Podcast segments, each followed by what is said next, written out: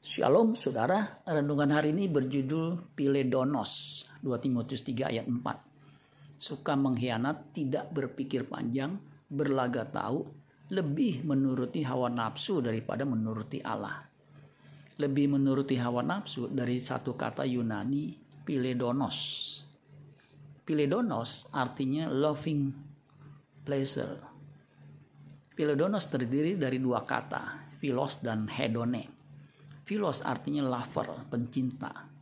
Hedone artinya pleasure, kesenangan. Ciri manusia akhir zaman di zaman now adalah piledonos. Mulai dari anak-anak sampai orang dewasa bahkan yang sudah uzur masih saja bergaya hedonis.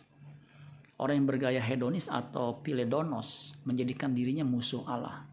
Musuh berdarah yang akan membawa kepada kebinasaan Yakobus 4 ayat 4. Hai kamu, orang-orang yang tidak setia, tidakkah kamu tahu bahwa persahabatan dengan dunia adalah permusuhan dengan Allah?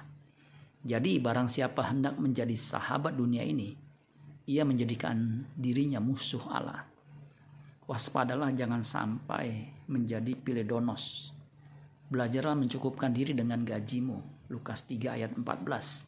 Dan prajurit-prajurit bertanya juga kepadanya, dan kami, apakah yang harus kami perbuat? Jawab Yohanes kepada mereka, jangan merampas dan jangan memeras dan cukupkanlah dirimu dengan gajimu.